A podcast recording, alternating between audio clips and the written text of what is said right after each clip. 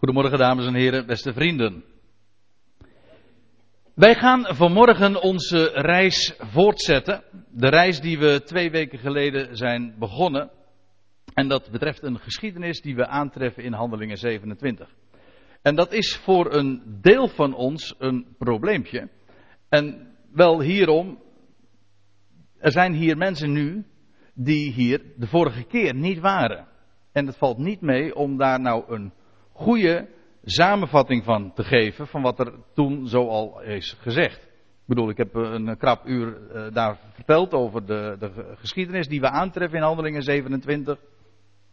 En toch, uh, we, we, moeten verder. Dus Handelingen 27 is een, is een lang hoofdstuk en het is om die reden, om dat te bespreken, dat we het in tweeën hebben geknipt. We gaan uh, dus gewoon voort. Toch zal ik een poging doen om even in het kort weer te geven waar het de vorige keer om gaat. Zodat degenen die hier niet waren toch enigszins de indruk hebben. En misschien wilt u de moeite doen om toch in elk geval de draad uh, op te pakken van wat daar zo is neergelegd. En ik ben er eigenlijk wel zeker van dat dat allemaal weer goed zal komen.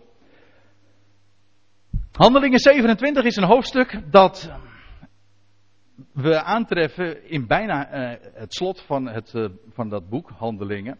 Want Handelingen telt in totaal 28 hoofdstukken. En het is een hele eigenaardige geschiedenis. Het beschrijft de scheepsreis die Paulus heeft gemaakt. Samen met uh, nog, een paar, al, nog een paar honderd man. En Paulus is als gevangene in Caesarea op het schip gezet. Samen met een uh, onder leiding van een hoofdman. De Julius, een Julius. Samen met nog een paar andere gevangenen. En hij is daar op een schip gezet in Caesarea. Dat is hier. Toen zijn ze vervolgens gaan varen naar Sidon en we lezen dan dat ze om Cyprus heen varen en uiteindelijk in Myra terechtkomen. En in die, in die havenplaats heeft men vervolgens, is men overgestapt op een ander schip. Want men ging, dat moet ik er ook nog even bij zeggen, de reis ging helemaal naar Rome. Dat is ongeveer hier dus. Maar de reis zat erg tegen. Voortdurend lees je in dit hoofdstuk dat de, de wind was tegen en men raakt voortdurend uit koers. Hoe dan ook, men stapt over op een ander schip, op een graanschip, afkomstig uit Alexandrië. En dat graanschip, dat gaat dan, ik zal het even laten zien, dat graanschip gaat dan vervolgens uh, langs Kreta. En arriveert dan bij een havenplaats dat heet Goede Havens. En dan lees je, en dat is van belang om dat, nog, om dat goed te begrijpen. Dan lees je in Handelingen 27. En toen door het vele tijdverlies. Want de vaart was dus, zat erg tegen. En toen door het vele tijdverlies de vaart reeds bedenkelijk werd. Daar ook de vaste, dat wil zeggen Yom Kippur, dat is ergens in september, reeds achter de rug was. En dat betekent dat ook, ja, september, oktober, dat het uh, de maand november uh, eigenlijk stond aan te komen. En dat was een tijd inmiddels dat je niet meer op de Middellandse Zee voer. De, gedurende de maanden november tot en met februari aan maart voer men niet meer op de Middellandse Zee vanwege het grote stormgevaar. Dus de reis werd inmiddels al bedenkelijk. En, nou ja, en dan lees je de, dat Paulus waarschuwt, een, gevangene, een van de, van, van, de vele honderden die daar op dat schip zaten. En Paulus doet dan het woord en hij zegt, uh, mannen, ik zie dat de vaart met ongerief en grote averij gepaard zal gaan. En dan lees je even verder. Maar de hoofdman, die stelde meer vertrouwen in de stuurman en de schipper dan in de woorden van Paulus. En daar de haven niet geschikt was om te overwinteren, riet het merendeel aan vandaar zee te kiezen om zo mogelijk Phoenix te bereiken, ten einde daar te overwinteren. En Phoenix, dat is een plaatsje, ook op hetzelfde Kreta, ook aan de zuidkant van Kreta, en dat was wel geschikt om te overwinteren. Dus het leek niet zo'n heel groot risico om nog eventjes verder te varen en om daar naar Phoenix toe te gaan. Maar Paulus heeft gezegd, ik zie dat de reis met grote averij gepaard zal gaan. Nou, daar is men achter gekomen. Wat ik daarbij ook nog moet opmerken is dat, en dat is eigenlijk de clue van wat ik de vorige keer verteld heb, en ook de clue van wat ik vandaag zal vertellen, dat is dat Handelingen 27 dat hele hoofdstuk, een heel uitgebreid reisverslag, alleen maar begrepen kan worden tegen de achtergrond van de hele verhaallijn in het boek Handelingen. Kijk, het boek Handelingen gaat over, over de prediking, over hoe sinds de opstanding van de Heer Jezus Christus het evangelie de wereld is ingegaan. En eigenlijk moet ik zeggen, in de eerste plaats ook aan Israël gepredikt werd. En Israël zou tot geloof in haar Messias komen. En bovendien is daarbij de verwachting en de hoop, en u vindt dat met name heel expliciet onder woorden gebracht in Handelingen 3, als Petrus daar op het tempelplein eh, de mannen van Jeruzalem aanspreekt, en daar zegt hij van, kom tot geloof in de Messias. Ik zeg het een beetje met mijn eigen woorden, maar dan, zegt, dan voegt hij eraan toe, opdat er tijden van verademing mogen komen, en dat de Messias, de Christus, die in de hemel nu is opgenomen, zegt hij dan, die zal dan terugkeren naar deze wereld en dan zullen alle woorden van de profeten waar gaan worden en het Messiaanse koninkrijk zal hier op aarde gerealiseerd worden. Realiseert u zich goed wat dat betekent? Het betekent dat het hele boek Handelingen in het teken staat van de grote vraag, zal in deze tijd het koninkrijk over Israël openbaar worden? Als, als Israël tot geloof zou komen, dan zou het Messiaanse rijk in die dagen zijn aangebroken. Dan zou de Messias teruggekeerd zijn. En dan zou hij zijn koninkrijk vestigen vanuit Jeruzalem en over Israël en, en, uiteindelijk over de hele aarde. Dat zou in die dagen gebeurd zijn. Wat we zien in het boek Handelingen vervolgens is dat deze boodschap op enorm veel verzet bij Israël stuit. En Israël gelooft het niet en uiteindelijk roept, eh, dat is dan halverwege het boek Handelingen, dan wordt Paulus als apostel geroepen en die ja, die wordt ook afgewezen. En, maar eigenlijk zijn, zijn boodschap is, is eigenlijk ook, uh, vindt zijn uitgangspunt in de verwerping van Israël. En dan gaat Paulus, is, ja, hij is de apostel van de heiden, hij gaat naar de, na, de natieën. Ik zeg het allemaal even kort, maar dat is eigenlijk waar het op neerkomt. En eigenlijk is het zo dat Paulus' boodschap uh, aan het adres van Israël ook is: Jullie kunnen nu nog kiezen voor goede havens. De goede haven, ik, dus, want het is een uitbeelding. Handelingen 27, daar moet ik er dan ook nog bij zeggen. Handelingen 27 is een illustratie van waar het in het boek Handelingen over gaat. Namelijk dat Israël de boodschap afwijst en uiteindelijk ten onder gaat in de volkerenwereld. Israël, laat ik het dan nog anders zeggen, korter zeggen. Dat, dat schip in Handelingen 27 is een uitbeelding van het volk Israël. Dat tegenwind had, uit koers raakt iedere keer. En waarvan de hoofdman en de stuurman en de schipper eh, geen aandacht geven aan het woord dat Paulus spreekt. En hoewel hij nog wijst uiteindelijk, Israël is inmiddels in de gevarenzone terechtgekomen. En de apostel Paulus wijst op de goede haven van het koninkrijk, maar eigenlijk was de tijd al in de praktijk verstreken. Ik ga even verder. Want wat gebeurt er?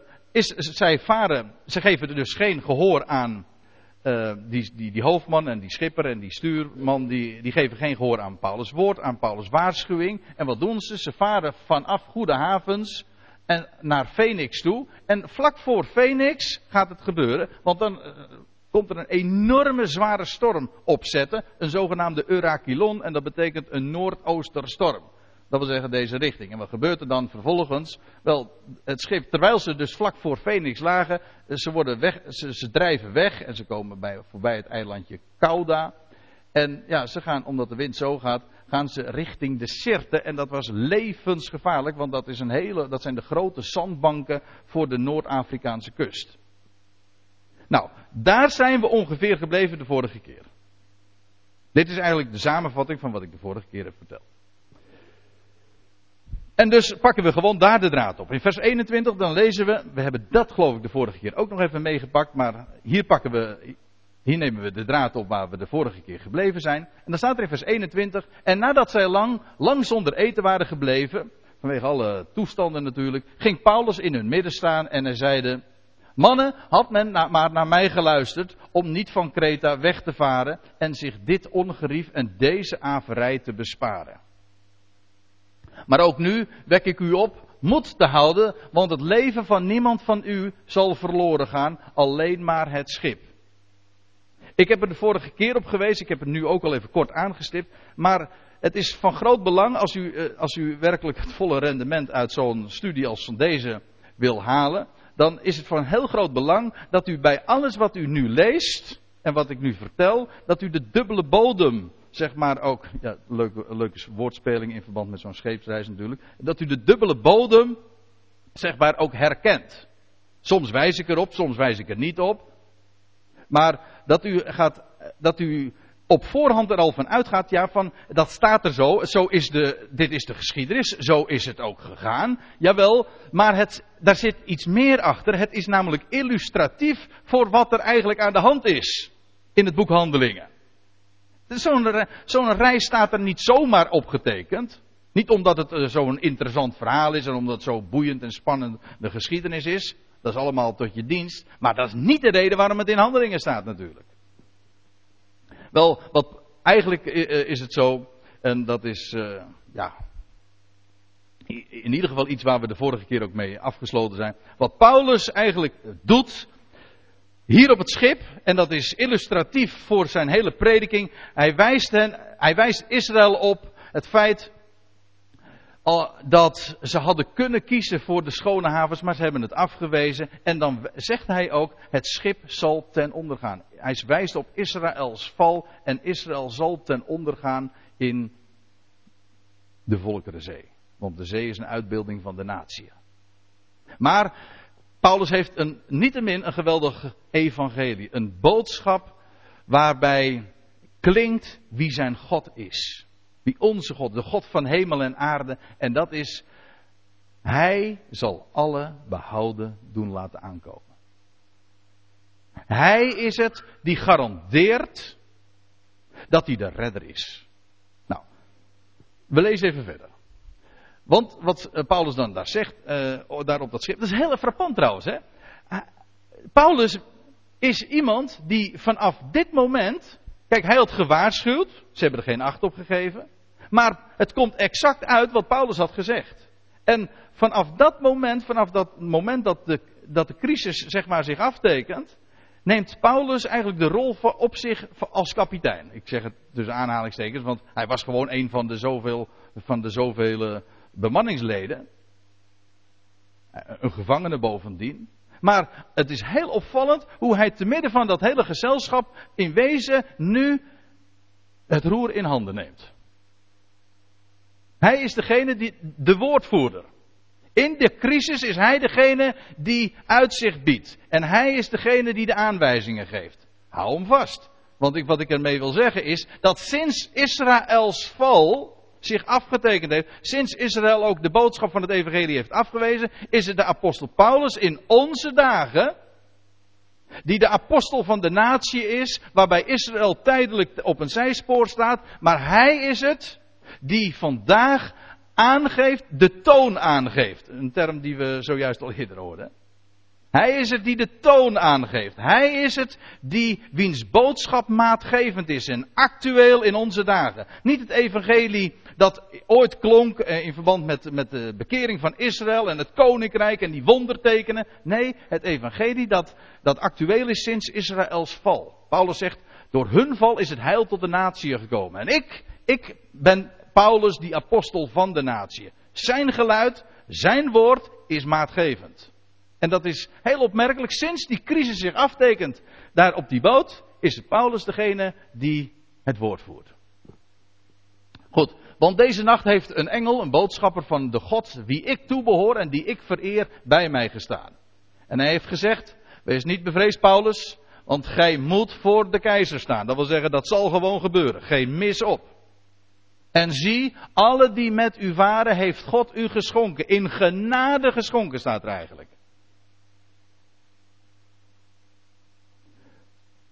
Daarom mannen, houd moed, want dit vertrouwen heb ik op God dat het zo zal gaan als mij gezegd is. Dus wat Paulus hier zegt, in die gigantische zware storm, en we hadden al eerder gelezen, nou ja, dat hebben we nu niet gelezen, maar dat staat wel eerder in dit hoofdstuk.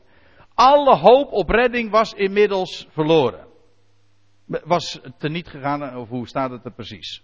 Men, men dacht van, nou, wij komen gewoon om in de storm. En te midden van die nood, En terwijl dat schip zo heen en weer bewogen wordt en terwijl men dus helemaal geen uitzicht meer heeft, is het Paulus die dan zicht geeft. En die het licht van laat schijnen van, ja, van het woord. Van de God die hij toebehoort. De God van hemel en aarde.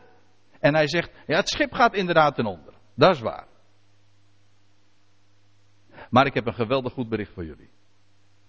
Geen, geen van jullie zal verloren gaan. Allen zullen uiteindelijk, hoe dan ook, behouden aankomen. Het zal zo gaan als mij gezegd is. Want God heeft gesproken. En Hij is God. En hoe het dan ook mag waaien en hoe uitzichtloos het ook al uh, er ook uh, uit mag zien, er is een God. Die alles in handen heeft. En die alles plaatst. Die alles beschikt. En dat is nu juist de essentie van die machtige boodschap van Paulus. Dat wat er ook gebeurt en hoe uitzichtloos het ook in de wereld is en hoezeer het ook vandaag zo is. Hè. Hij wees er zojuist al eventjes op in, uh, in zijn inleiding, hè, of in het gebed uh, sprak hij dat uit. Wij zien vandaag niets van Gods koninkrijk, wat ooit was aangekondigd. Daar zien we niks van. Ja, dat is waar, maar dat is nu juist ook het karakter, de karaktertrek van de, de tijd waarin wij nu leven. Eigenlijk is dat de vloer waarop Paulus getuigenis zeg maar ook staat. Inderdaad, het koninkrijk is verborgen. De koning is verborgen. Ons leven is met hem verborgen. Er valt niks te zien. Mensen, mensen willen dat niet geloven en die gaan de, eh, ik bedoel ook heel veel christenen, die, die willen dat niet geloven en die, gaan, die proberen, proberen heel veel zichtbaar te maken en het leidt altijd tot frustratie. Ga ervan uit wat Paulus schrijft, namelijk dat het koninkrijk en de koning verborgen is. Dat is karakteristiek voor de tijd waarin wij leven, maar niet te min. Wat er vandaag verkondigd wordt, is een God. Die de redder is van alle mensen. Ik uh, kan het niet nalaten om dat uh, te, voor te lezen in 1 Timotheus 4. Ik lees het voor uit de NBV, doe ik niet zo vaak. Maar de NBV is in dit geval ook buitengewoon goed. Uh, trouwens, er staat de vertaling ook hoor. Alleen die is wat ouder Nederlands. Dus ik lees het gewoon voor uit, uh, uit de NBV-vertaling. Daar staat: Hiervoor zwoegen wij en strijden wij. Nou, dat is die scheepsreis. Hè? Dat, was, dat was een gigantische strijd. Zoveel tegenstand en zo, zoveel stormen en zo. En Paulus zegt: Hiervoor zwoegen wij en strijden wij. Omdat we onze hoop gevestigd hebben op de levende God die de redder is van alle mensen. Bovenal van de gelovigen. Kijk, Paulus zat daar op dat schip met gelovige kornuiten, Lucas en er was er nog iemand, ik ben even zijn naam kwijt. Uh, dat waren, dat waren broeders. Maar de meeste mensen daar op dat schip, ja, die kenden God niet. Maar Paulus zegt, jullie zullen allemaal behouden aankomen. Allemaal. En het gaat niet, let wel, het gaat niet om het behoud van alle mensen. Paulus predikte niet de redding van alle mensen, maar let op, hij predikte de, de redder van alle mensen. De God die alles in de hand heeft en die de hele wereld, all inclusive, thuis gaat brengen. Die God, die predikt hij. En dat is zo'n machtige boodschap. Zo'n machtige Ongeacht wie je bent, wat je achtergrond is, hoe je er tegenover staat. Maar dat is de boodschap. De redder van alle mensen. En Paulus zegt, hiervoor spannen wij ons in. Hiervoor zwoegen wij. Dit moet iedereen weten. Dit is maar niet zo een of andere leuke of een aardige presentje dat nog bij het evangelie komt. Dit is het evangelie. Dat onze God om niet de redder is van de hele wereld. Niemand uitgezonderd. En ik weet dat is voor veel mensen vloek in de kerk. Het is vloek in de kerk. Maar het is het evangelie. Zo machtig. En Paulus, wel, hij had zijn vertrouwen op die God gevestigd. En hij zegt, en, daar op die boot zegt hij dus, van uh, het zal zo gaan als mij gezegd is. En niet anders. Goed, we gaan verder. Ja, we gaan zeker verder. Want het is nog een lang hoofdstuk. Maar wij moeten, zegt Paulus daar nog, wij moeten op een of ander eiland stranden. Dat zal inderdaad gebeuren. En toen nu de veertiende nacht was aangebroken, dat wij in de Adriatische Zee rondzwalkten. Dat gaat dus inmiddels een hele tijd zo door. De Adriatische Zee, tegenwoordig is de Adriatische Zee de, de zee die tussen Italië en de Balkan zeg maar in ligt. In de vroegere tijden was de Adriatische Zee de, de zee die tussen Italië, Griekenland en Afrika in lag. Dus een wat ruimer begrip. Wel, ze uh, zwalkte daar al inmiddels uh, uh, zo'n twee weken rond.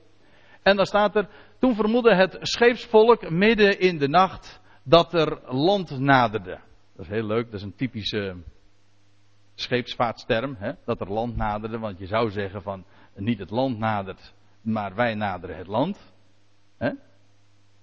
Maar ja, zo, zo, zie je dat. Zo, zo zie, kijk, je, ziet dan dat land, dat eiland, en, maar je komt dichterbij en dan zie je het land naderen. Dat is een subjectieve weergave. In elk geval, um, het was trouwens nog nacht en men vermoedde, uh, het scheepvolk vermoedde in de nacht dat land naderde. Ze zagen het dus niet, maar ze vermoeden dat. En ik heb wel eens een keer gelezen daarover dat, dat mensen, die, matrozen, mensen die daar uh, vertrouwd mee zijn, die, die voelen aan, de, aan, de, aan, aan verschillende dingen, maar bijvoorbeeld ook aan de, aan de golfslag uh, tegen de, de, boot aan, dat er inderdaad uh, dat er land in de buurt is. Vraag mij nou niet hoe dat in zijn werk gaat, want ik heb helemaal geen verstand van, van scheepvaart en van varen en zo. Maar dit, uh, dit uh, mag u wel van me aannemen. In ieder geval, het scheepvolk vermoedde dus al dat er land naderde. En dan lees je, en ze peilden met het lood 20 vadem. En iets verder peilden zij 15 vadem. En toen moest ik toch eventjes nazoeken wat dat betekent. Wat is een vadem? Maar ik heb het eventjes in onze tegenwoordige heel handige internet-encyclopedie nagekeken, Wikipedia. En daar stond een vadem, dat is 1,82 meter. Oftewel 6 voet. Een voet is 30 centimeter ongeveer. Het is de spanwijdte, dat is trouwens heel grappig. Het, het Griekse woord voor vadem, dat is eigenlijk dit: een uitgestrekte arm. Uitgestrekte armen. Dus het is de spanwijdte van de armen van een flinke volwassen man. Ik dat klopt wel, hè? Ja, dat is 1, 2, ik ben 1,80 meter, ja. Ik ben, zo, ik ben zo breed als dat ik lang ben. Dat bent u trouwens ook, weet u dat? Iedereen is zo breed, de spanwijdte van je armen komt overeen met je lengte. Zelfs op de centimeter vrijwel altijd nauwkeurig. Gaat maar na. Ja. Ja, dat is dus een vadem. Dus 15 vadem en 20 vadem kunt u zo uitrekenen wat dat was. Hm? Ga ik nou niet doen. Uh, maar dat, ging dus, dat zag er dus zo uit. Dat, u, u ziet dat bootje hier varen en dan, en dan gaan, ze een, gaan ze dat meten. En dan meten ze 20 vadem en dan gaan ze, gaat het bootje verder. Kijk, ziet u? En dan zitten ze 15 vadem. Oh, daar, de, de, de bodem loopt daarop. Dus dan kan het inderdaad niet missen. Er nadert land. En uit vrees van tegen de klippen geslagen te worden, wierpen zij vier ankers van het achterschip uit. En ze baden, letterlijk staat er, ze wensten dat het dag mocht worden. Ja, dan, hadden ze, dan konden ze tenminste zien waar ze mee bezig waren en in welke richting ze gingen, et cetera. Doch toen het scheepsvolk uit het schip trachtte weg te komen en de sloep, dat is de reddingsboot dus, te water liet, onder voorwendsel dat zij van het voorschip anker wilde, ankers wilden uitbrengen. Dat was wat ze uh, zeiden, dat was hun voorwendsel, zoals hier staat zeide Paulus tot de hoofdman, en dan zie je opnieuw weer de, hoe, welke rol Paulus hierin speelt en hoe maatgevend dat is wat hij te, bedden brengt. Zeide Paulus tot de hoofdman en zijn soldaten, indien zij niet aan boord blijven, kunt gij niet gered worden. Dat is heel eigenaardig. Ik heb dat nog eens een keertje nagelezen en toen kwam ik deze verklaring tegen. De, in de korte verklaring, ik vond hem heel mooi. Ik kan het niet mooier zeggen. In de korte verklaring, dat is een bekend Calvinistisch standaardwerk, daar staat, God wil de bemanning is een beetje, het is geschreven in de jaren 30 of zo van de vorige eeuw. God wil de bemanning als eenheid redden door zijn wondermacht. Niet door slinkse streken een deel. leuk hè? Dat vond ik heel mooi puntig geformuleerd. God wil de bemanning redden als eenheid. Niet een deel. Hij wil het hij heeft het geheel op het oog. Niet alleen maar die, die, die matrozen. En bovendien, hij wil niet door slinkse streken dat doen. Door hun activiteit. Nee, hij wil redden door zijn wondermacht. Bovendien, daar zit nog iets achter. Kijk, die mensen die wilden op deze manier de, het allemaal, die, die hele schipbreuk, uh, ze wisten van dat gaat gebeuren, maar ze wilden, dat, ze wilden het schip al uh, verlaten voordat het allemaal aan de hand was. Maar u weet hè, kijk, om gered te worden is er één voorwaarde. Dat vindt u misschien een beetje vreemd, naar aanleiding van wat ik zojuist heb gezegd, want ik, want ik, ik vertelde net, ik vertelde net God gaat, is de redder van alle mensen. Zoals Paulus hier op het schip zegt, alle mensen zullen gered worden. Maar wat, wat is de voorwaarde om gered te worden dan? Je moet eerst verloren zijn. Als je niet verloren bent, dan kun je ook niet gered worden. Als je niet, als je niet gezocht wordt, als je niet zoek bent, dan kun je ook niet gevonden worden. En als je niet ziek bent, dan kun je ook niet genezen worden. Dus als er staat dat God de redder is van alle mensen, dan veronderstelt dat dat de mensheid verloren is. Kijk, wij vertellen niet, en dat wordt heel vaak, zo wordt de boodschap van het evangelie vaak uitgelegd, meestal ook door tegenstanders, alsof wij zeggen van nou, ach, de mens, eh, zo erg is het allemaal niet gesteld en eh, alle mensen komen in de hemel, zo, zo slecht zijn we nou toch ook weer niet. Nee, dat is niet de boodschap. De boodschap is niet van, nou, we zijn niet zo slecht en we zijn toch niet verloren en ach, eh, dat gaat, dat, dat, dat gaat allemaal, het gaat allemaal goed. Nee, de boodschap is, de mensheid is inderdaad verloren. Dat is waar. In zonde en schuld, dat is waar. En bovendien een sterveling. En het is Gods wondermacht, het is zijn activiteit die er garant voor staat om de mensheid te redden. Maar dat betekent inderdaad dat de wereld verloren is. Dat is de toestand van u en mij. We zijn stervelingen, we zijn zondaren. En derhalve verloren. En het is God die zoekt en vindt. Goed, die, uh, die soldaten die horen dat en wat doen ze? Om uh, die matrozen zeg maar de pas af te snijden. Toen kapten de soldaten de touwen van de sloep, van die reddingsboot dus. En ze lieten haar in zee vallen. Dat wil zeggen die, die sloep dus. En tegen dat het dag zou worden, spoorde Paulus hen alle aan voedsel te nemen en zeiden: Het duurt nu reeds veertien dagen dat gij maar blijft afwachten zonder eten en niets genuttigd hebt. Nou, dan kun je je wel voorstellen hoe de conditie van die bemanning inmiddels was. Het was ook niet erg. Uh, het, was, waren ook geen omstandigheden dat je eetlust nou echt opgewekt werd. Maar bovendien door alle drukte, alles wat er gedaan moest worden. Men had al veertien dagen niet of nauwelijks gegeten. Daarom staat er in vers 34, eh, spoor ik u aan. Letterlijk staat daar in het Grieks waar, eh, een woord waar we het een, een, nou, een paar maanden terug wat uitgebreider over gehad hebben. Namelijk dat woord ja, wat vaak vertaald wordt met vermanen. Maar wat het Griekse woordje parakaleo erbij roepen, letterlijk betekent dat, dat is aanmoedigen. Het is bemoedigen. Het is niet dit, Vermanen, zoals het zo vaak wordt uitgelegd. Nee, het is aanmoedigen. Of zoals hier staat, aansporen. Daarom moedig ik u aan voedsel te nemen, want dit is goed voor uw redding. Die redding die staat vast, maar het is goed voor uw redding om voedsel te nemen. Dat, denk ik, dat is ook geestelijk gezien trouwens waar. In deze tijd waarin we leven, en dat, dat, dan mag het allemaal erg moeilijk zijn. En de redding is, staat vast. Maar voor je conditie, voor je geestelijk welzijn, is het zo belangrijk om voedsel te nemen en om Paulus' raad op te volgen, namelijk om gesterkt te worden. Het is goed voor uw redding, want niemand uwer zal ook maar een haar van zijn hoofd gekrenkt worden. Alsjeblieft. En dan schrijft Lucas verder.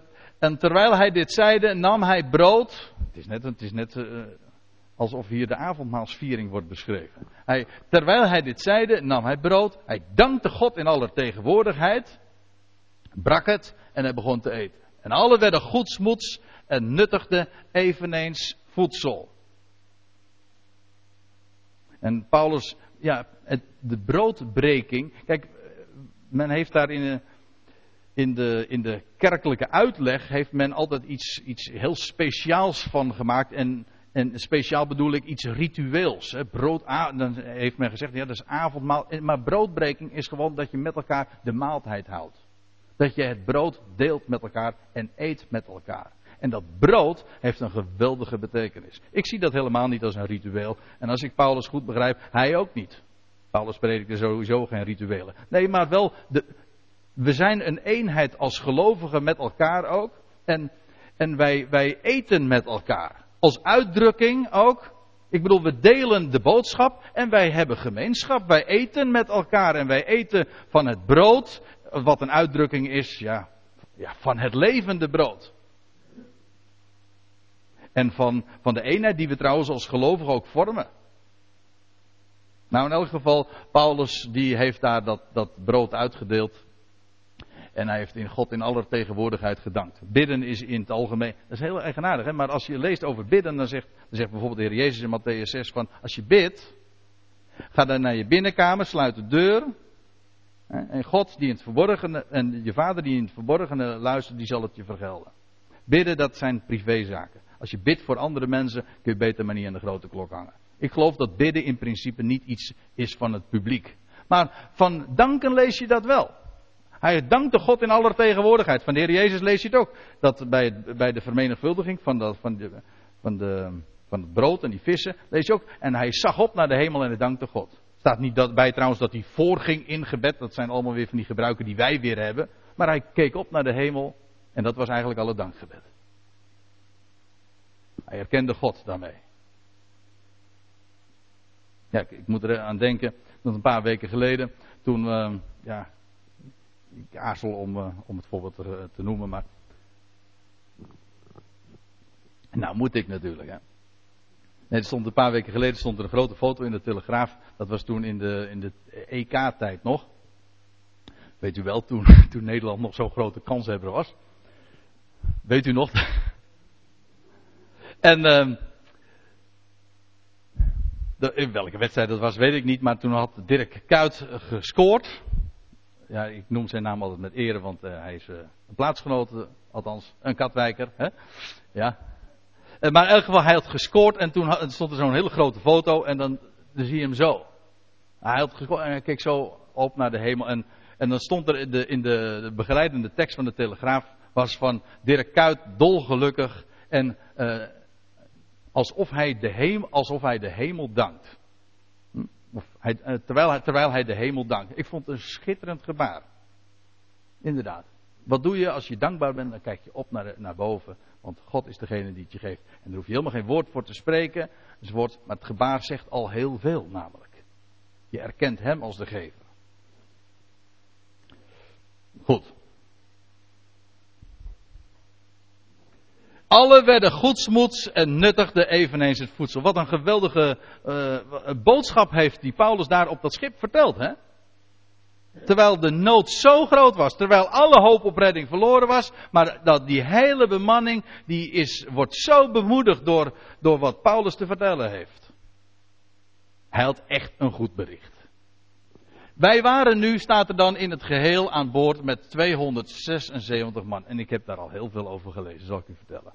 Over die 276 man en over de, de eventuele diepere zin daarvan. En dat is, uh, dat is nog niet eens zo'n heel makkelijk verhaal en ik ga u er vanmorgen ook niet mee vermoeien. Kijk, u hebt al helemaal geen probleem wanneer u zegt van ja, waarom wil je daar dan wat achter zoeken? Dus, er waren gewoon, waarom 276 man? Dan zegt u misschien, nou gewoon, zou het misschien niet zijn omdat er 276 man aan schip, uh, daar aan boord was? Daarom staat het er. En dan, heb je, dan hoef je niks te verklaren, want dan is het gewoon de weergave van het aantal mensen dat daar aan boord zat. Maar waarom wordt dat getal dan zo genoemd? Ik kan u wel, eh, ik zal er één ding van vertellen. Men heeft bijvoorbeeld gezegd van ja, het komt overeen met de lengte van de zwangerschap van de vrouw. Zoveel dagen is ze zwanger. En dat klopt ongeveer wel. Hè, 9 maanden, 40 weken, 280 dagen, 276. Maar dan denk ik, ja, en, en wat? En zo, en zo wat?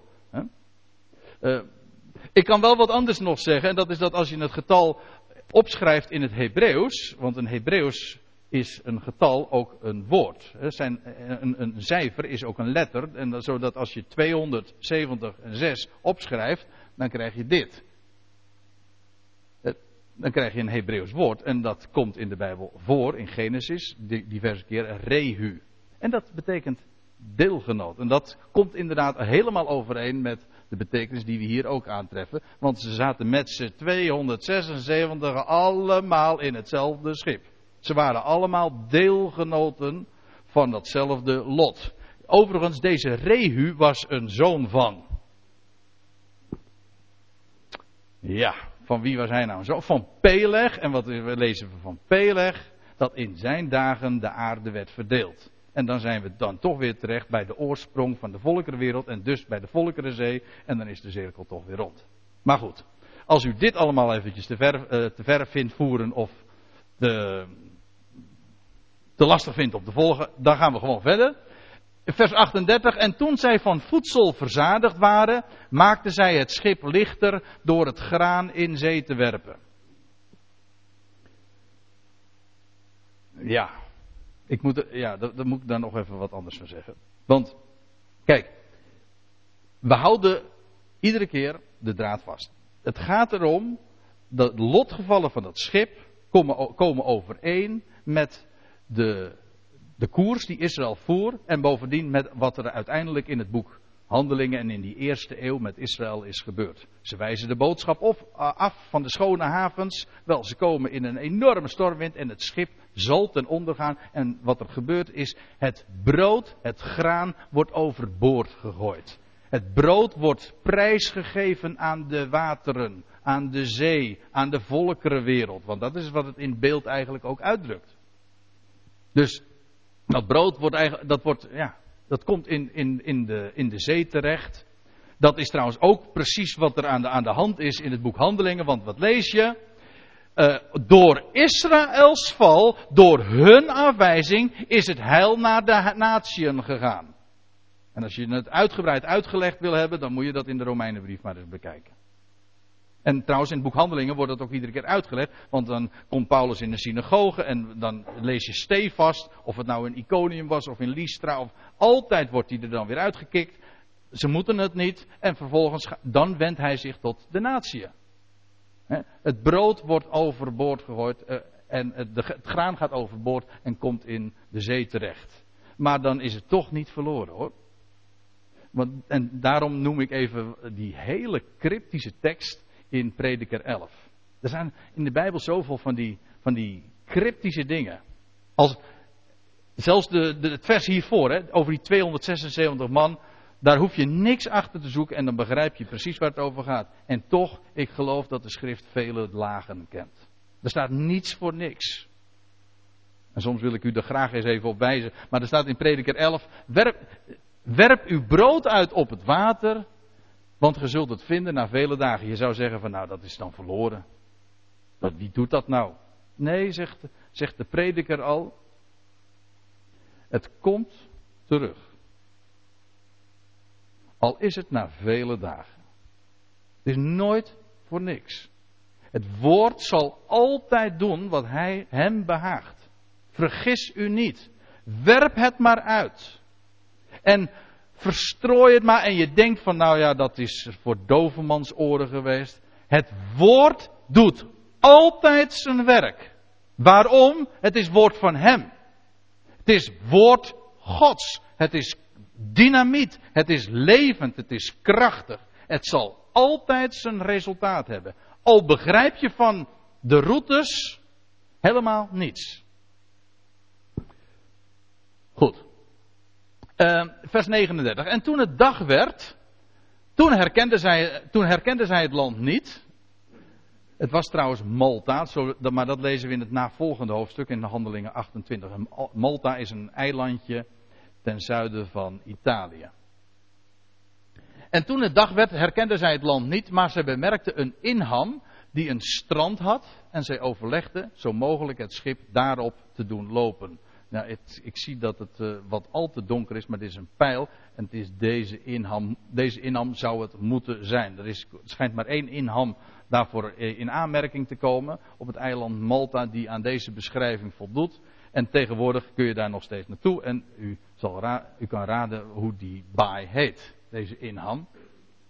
Sint Paul's Bay. Ja. Ja, echt waar, zo heet dat. Sint Paulus Baai. En zij haalden de ankers op. Eigenlijk staat er, ja, in de Telosvertaling, ze lieten de ankers slippen. Of nog een andere vertaling, ze lieten de ankers vieren. Hoe dat precies in zijn werk ging, uh, weet ik niet. Misschien zitten er hier mensen die dat wel zouden kunnen uitleggen. Maar goed.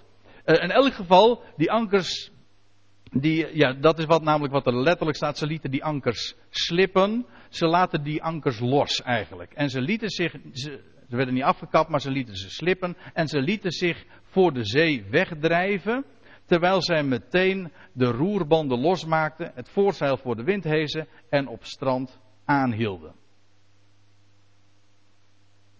Ik eh, ga maar verder, al was het maar omdat hier zoveel van die scheepsvaarttermen gebruikt worden, waar ik ook niet zoveel uh, aan heb. Maar daar staat er in vers 41, zij kwamen terecht op een uitstekende bank en ze ABN AMRO, Fortis. Uh, maar ze raakten met het schip toch aan de grond. nee hoor. ja, je zal maar bij een uitstekende bank komen en toch aan de grond raken. Hè? Met je schip. En in het schip zitten. Hè? En in het schip zitten en nog aan de grond raken ook. En dat bij een uitstekende bank. Ja, hoe kun je de Bijbel mislezen? Nou, zo bijvoorbeeld. Hè? Ja, als je het eenmaal verkeerd gezegd hebt, dan kun je het niet meer goed zeggen. Ze kwamen terecht op een uitstekende bank.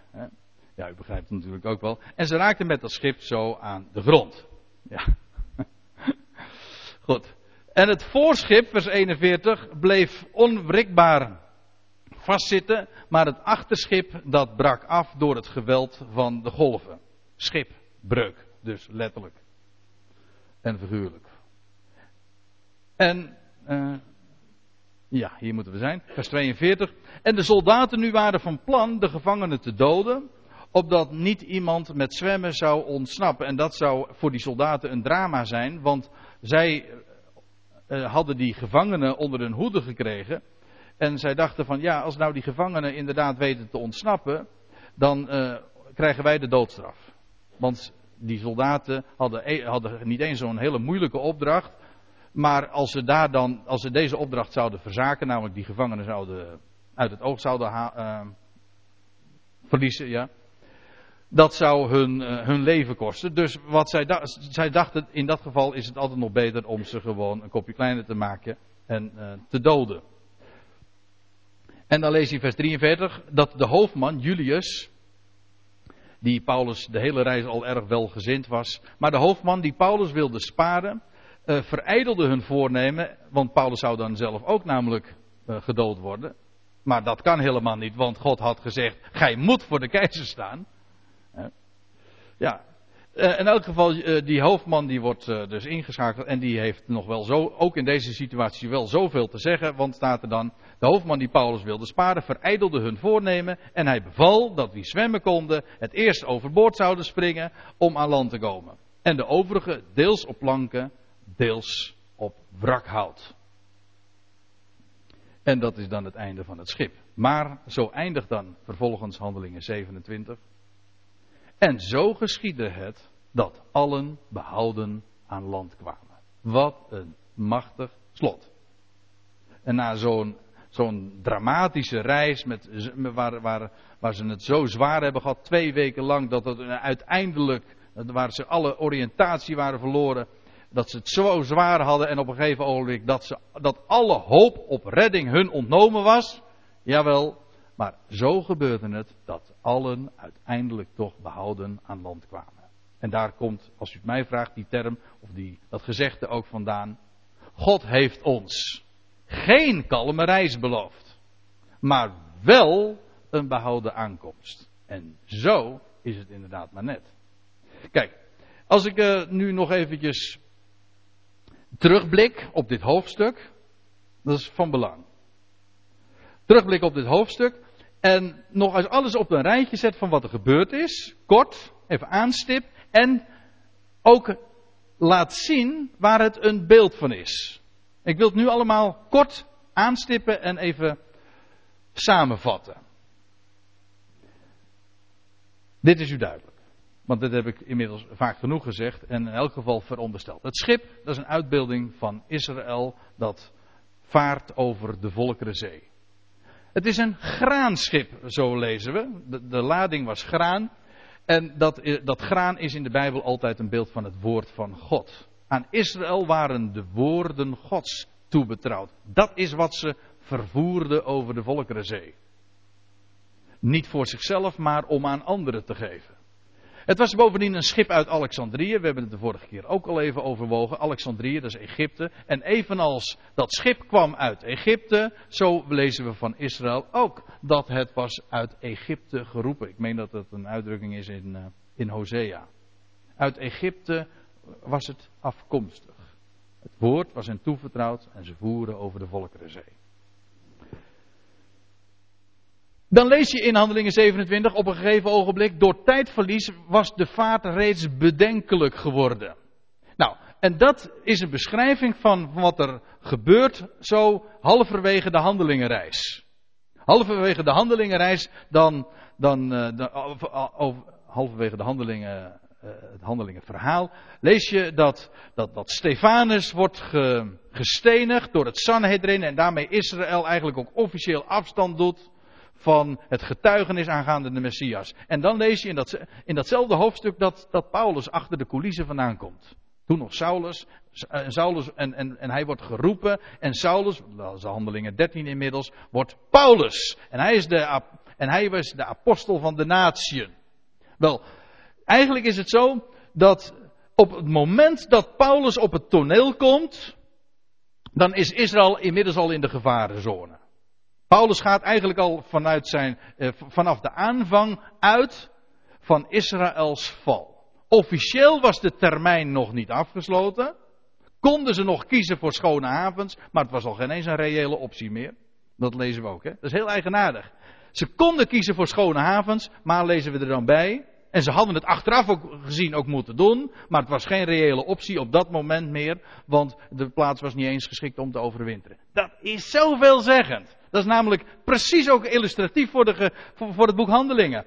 Als Paulus eigenlijk op het toneel komt, dan is het eigenlijk al bekeken. Paulus rekende al niet meer op Israëls herstel, hoewel de termijn al nog niet verstreken was. Men had het nog kunnen doen. Goed. Uh, Paulus' deadline is goede avond, want hij zegt: als, als jullie nu doorvaren, hij zegt, dan voorzie ik voorzie grote problemen en uh, grote averij. Die schipper en die stuurman die luisteren niet naar Paulus. We hebben de vorige keer er ook al eventjes uh, aan gedacht. Israëls geestelijke en politieke leiding die luisteren niet naar het woord van Paulus. Maar als dan die storm opsteekt en de crisis echt, het echt crisis wordt daar aan schip, op het schip.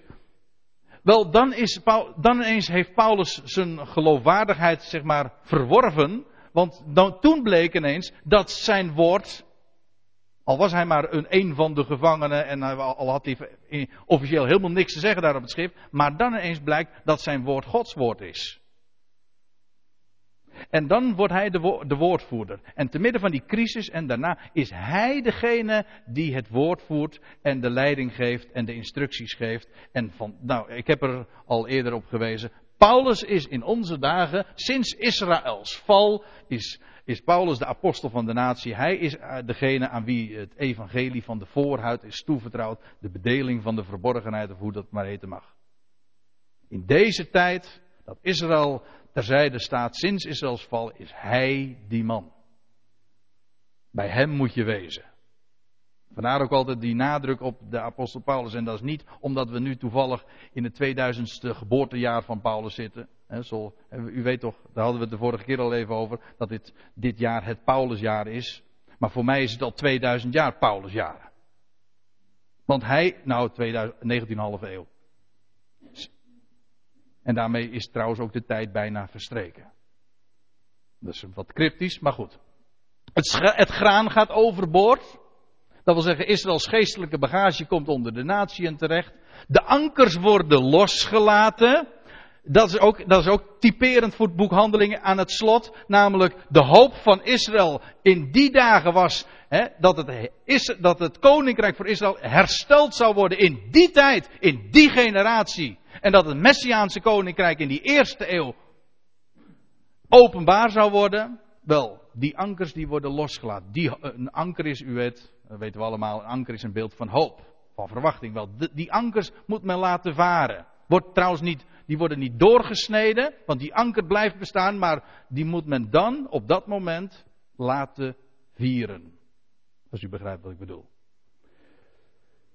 En uiteindelijk gaat het schip verloren en het zou nog maar een jaar of wat duren dat inderdaad de natie Israël helemaal van de kaart zou verdwijnen. In de eerste eeuw, in het jaar 70, toen is de Joodse staat vernietigd door de Romeinen. Jeruzalem is verwoest. De tempel is in vlammen opgegaan. En dat deel van de Joden dat nog daar in het land woonde en in Jeruzalem woonde, is verstrooid onder alle naties. Terechtgekomen in de Volkerenzee. En daarmee was het schip verloren. Ja. Maar in die tijd en vanaf die tijd is het Paulus woord dat maatgevend is. Paulus woord zegt, jullie alle komen behouden aan. En ik heb er al eerder op gewezen dat het een schitterende illustratie is van de waarheid die we onder andere in 1 Timotheus 4 vers 10 vinden. Oh, in 1 Timotheus 4 vers 10. Dat hij de redder is van alle mensen. En zo eindigt het, uh, dat, dat hoofdstuk in Handelingen 27. En zo gebeurde het dat allen behouden aankwamen. En hoe kan ik mooier afsluiten dan met dit vers?